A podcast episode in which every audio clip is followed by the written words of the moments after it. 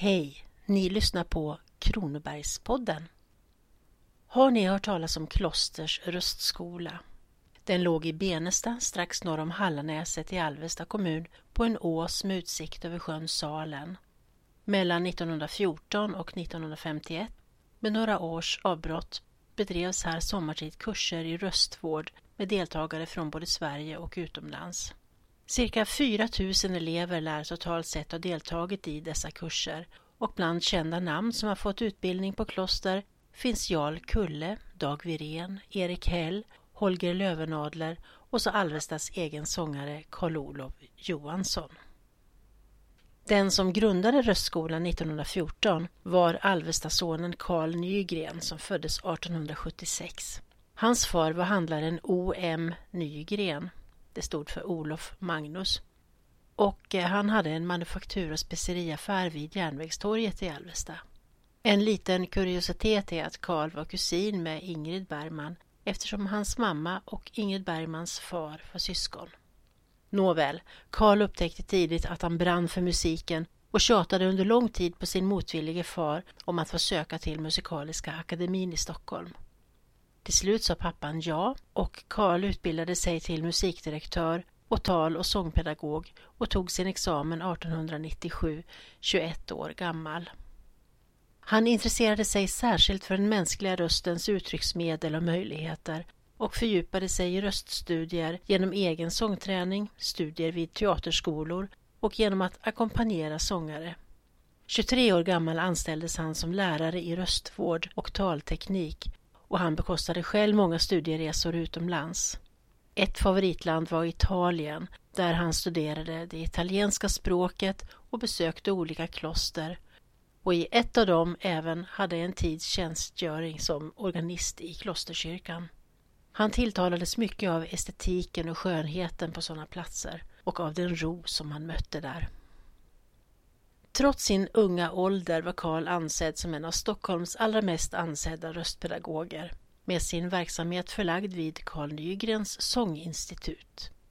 Under åren 1916 till 1926 tjänstgjorde han även som röstvårdslärare vid Dramatiska teaterns elevskola.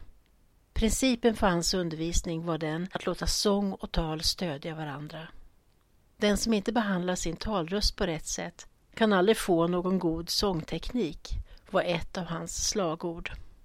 Han konstaterade dock att eleverna tog skada av att inte träna rösten under sommaren då de var lediga. Och åter med inspiration från Italien, från en sommarkurs hos en sånglärare uppe i ett slott i bergen, fick han idén att skapa något motsvarande hemma i Sverige. Det blev Klosters röstskola som han förlade på en strandtomt vid sjön Salens strand hemma i Alvesta. Han ritade byggnaden själv med dels det italienska kloster som han själv hade besökt som förlaga men dels också det pater Henriks kloster och släkten Måneskölds slott som hade gjort intryck på honom när han som ung läste Viktor Rydbergs romantiska berättelse om Singoalla. Där, i en sluten värld, ett fredat klaustrum, ville han sommartid undervisa sina elever och samtidigt låta dem få ta del av ett sunt och enkelt liv på landet. 1914 var röstskolan så pass färdig att han kunde flytta in tillsammans med fyra elever. Byggnaden var byggd i lite medeltida stil och hade höga och spetsiga gavlar eftersom musiken var tänkt att stiga uppåt till sångens gud. Utbyggnader bröt av mot varandra i många vinklar och där fanns rikt med utsprång, svalgångar, symboliska smidesverk och sniderier. Pelare prydda med rosenslingor, torvtak, antika atrium var detaljer som inspirerade denne naturromantiske lekmannaarkitekt. Resultatet blev en både ovanlig, originell, fantasifull och högst personlig byggnad som väckte många olika synpunkter och meningar hos dem som såg den. Innanför huvudentrén kom man in i en lång passage med tegelgolv och valvbågar som var öppna mot sjön och i kryddgården växte allehanda blommor och örter. Där fanns också en liten paviljong som belystes av solen när denna steg upp på morgonen och därför hade paviljongen namnet Ottesången. Där inifrån kunde man då och då höra orgelmusik och sång flöda ut i parken genom de öppna fönstren. Inne i matsalen, refektoriet, fanns fönster från golv till tak. Alla rum och utrymmen hade fantasifulla namn som till exempel Skärselden, Vatikanen, Det obotfärdigas kammare, Trallgöken, Jungfruburen, Sista versen, Sömntutan, Tuppluren, Aftonsången, Paradiset och Höga C. Utedasset hade namnet Meditationen. Totalt sett när hela klostret var fullt utbyggt omfattade det ett tjugotal byggnader med sammanlagt ett drygt fyrtiotal större och mindre rum i som mest fyra våningar. Och nere vid stranden fanns Palestran, en byggnad avsedd för kroppslig träning och gymnastik, lek, fest eller dans. Efter startåret 1914 med fyra inbjudna elever ökade antalet sommarelever på Klosters röstskola stadigt. Redan två år därefter fanns här 17 stycken. Inte bara elever strömmade till utan också lärare och lärarinnor sökte sig hit som själva behövde få handledning i röst och talvård, i hur man skolar rösten, lär sig artikulera och samordnar andnings och stämbandsfunktioner. Här fick man lära sig att tala så att det hörs vad man säger och att tala så att lyssnaren hör på. Man fick lära sig uppläsnings och sångteknik, att genom mental och fysiologisk avspänning lära sig att utveckla sina röstmässiga resurser. En treveckorskurs med två timmars undervisning per dag kostade år 1919 60 kronor och sängplats kunde ordnas för drygt en krona per dygn medan den dagliga husmanskosten erbjöds för cirka tre kronor. Rösthälsa var alltså det stora målet med Klosters verksamhet. Men förutom den erbjöds, förutom föreläsningar och fantasifulla övningar med stort inslag av humor, också kamratligt umgänge, naturskönhet, roddturer, promenader, utflykter, bad, poesi och musik. Många som var där upplevde att deras halströtthet försvann och att de dessutom fick starkare nerver. Scenvana och publikt anförande tränades inför övriga kursdeltagare genom sång och spel, dans, recitation och berättelser. Och med grund i Carl Nygrens förkärlek för svunnen nationalromantik var en återkommande underhållning att leka svensk medeltid där syftet var att skapa stämningar och gemenskap till exempel genom att småskådare genom galleriets valvbågar får se nunnor skrida fram i procession genom skogen och med tända ljus i händerna sjunga latinska hymner. Många sorters yrkeskategorier sökte sig till Klosters röstskola. Inte bara lärare och sångelever. Hit kom också sjuksköterskor, läkare, tandläkare, präster, skådespelare, riksdagsmän och missionärer och många fler. Och åldersspridningen bland kursdeltagarna var stor. Eleverna kunde vara mellan 13 och 73 år. Och alla sa du till varann. Detta för att bidra till den avspända stämning som ingick som delmoment i rösthälsan. Alla fick också hjälpa till i köket med handräckning, dukning och disktorkning. Klosterregler fanns nedskrivna på amatörmässigt kökslatin präntat på pergament. Eleverna fick sitta ner i salen där dessa regler skulle bli upplästa. En spröd klosterklocka klämtade, rökelse var tänd och en munk i kåpa och kalott och med kedja om halsen kom in och läste i svag belysning av tända ljus upp klosterreglerna. Fantasifullhet, humor, skådespel och visionär blick präglade verksamheten vid kloster. Eleverna uppmanades att ägna sig åt att släppa fram ljuvliga läten för att främja sin röstträning och därför kunde en besökare på kloster möta dels sådana som gick och gäspade högt, ljudade samma bokstäver om och om igen, ropade eller sjöng en viss fras eller också morrade högt. Alla dessa uttryck hade emellertid sina syften. Att gäspa vidgar svalget, att ljuda befordrar resonansen och att tungspetsvibrera med konsonanten R så att det låter som en morrning gör helt enkelt tungspetsen smidig. Carl Nygren introducerade traditionen att ersätta vanliga hövlighetsord som goddag, adjö, välkommen och tack med ett kort r. Det hände att klosters elever glömde sig när de lämnade klosters område och begav sig ut i samhället till exempel när de skulle handla i Alvesta och hälsade på folk också där på samma sätt. Lokalbefolkningen ansåg redan tidigt att kloster var en excentrisk miljö.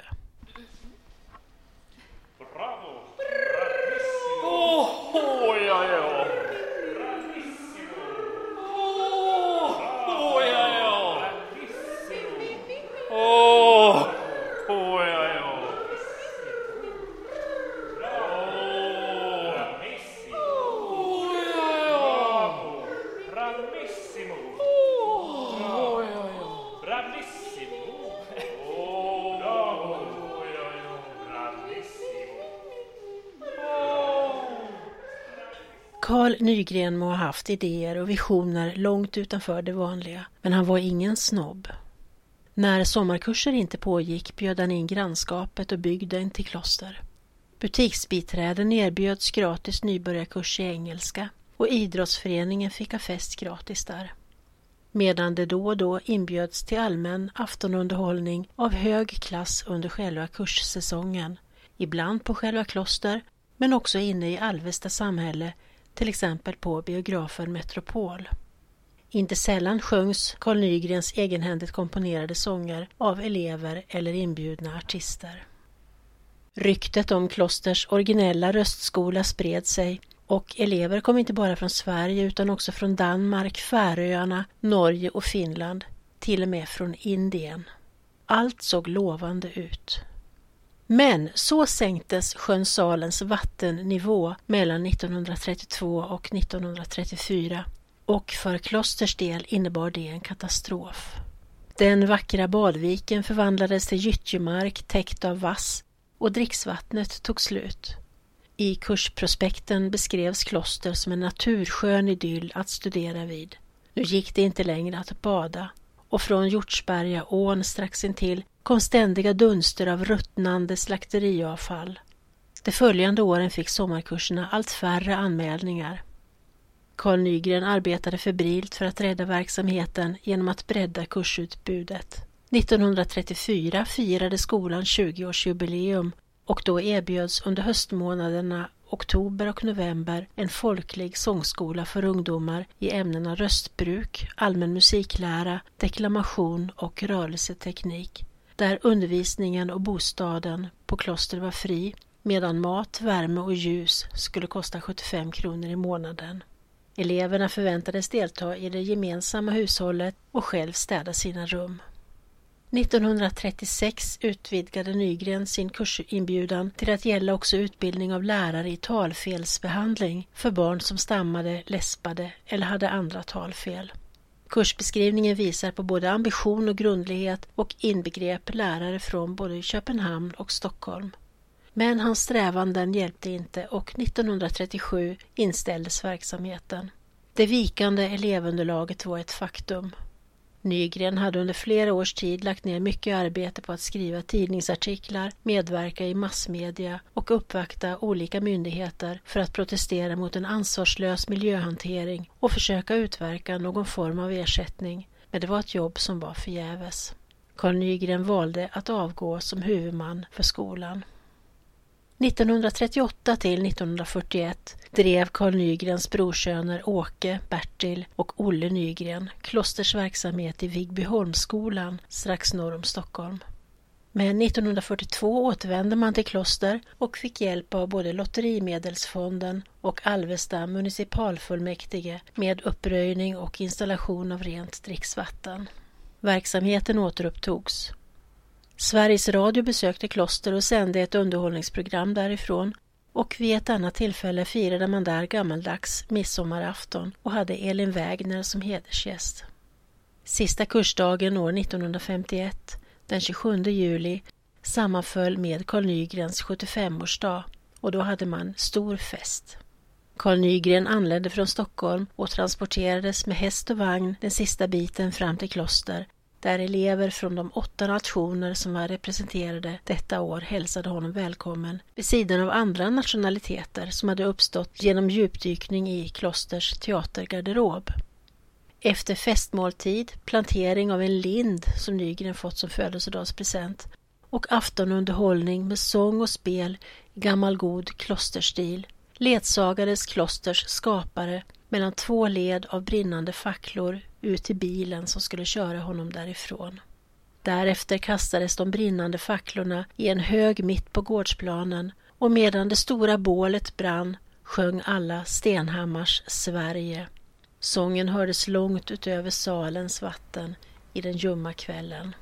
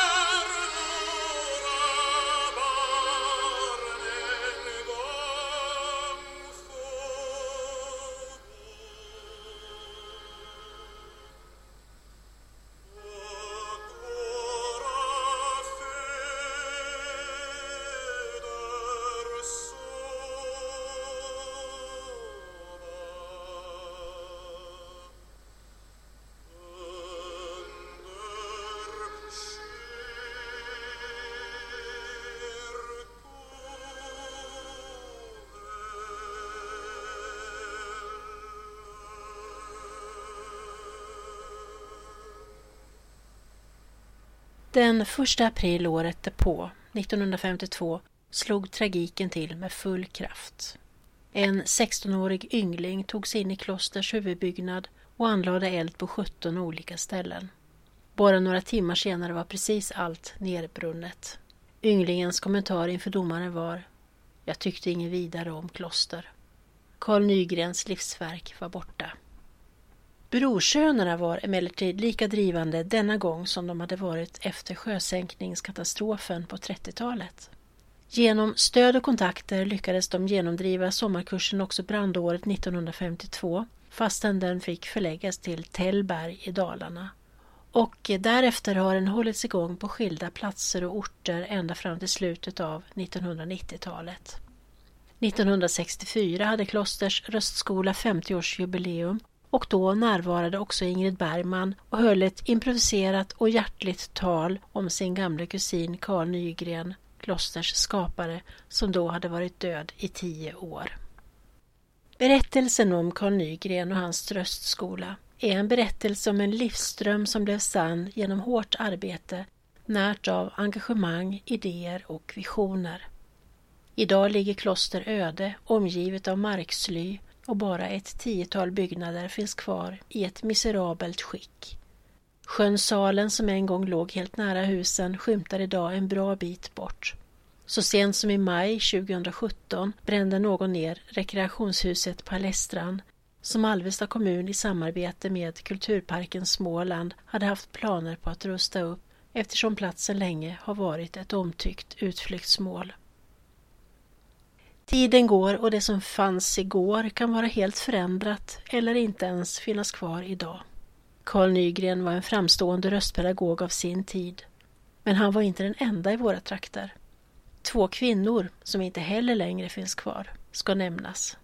Dels sång och talpedagogen Anna Carolina Edholmer från Växjö som grundade sitt livsverk Edholmerinstitutet som kännetecknas av sin steg-för-steg-pedagogik och dels den rumänskfödda Sylvia Mang Borenberg som hade en omvittnad fingertoppskänsla för att upptäcka röstbegåvningar och sedan finslipa dem. Hon arbetade både inom den kommunala musikskolan och hade ett eget musikaliskt centrum samtidigt som hon betydde mycket för musiklivet i Växjö. Båda dessa kvinnor var också själva framstående sångerskor. Men om dem får det bli mer vid ett annat tillfälle. Ni har lyssnat på Ella Styv som arbetar på Växjö stadsbibliotek där jag bland annat tycker om att lyfta fram berättelser och lätta på locket till allt vad historien gömmer. Det finns mycket att upptäcka som är värt att berätta. Vill ni själva läsa mer om det ni har hört så vänd er till biblioteket. På återhörande. Hej!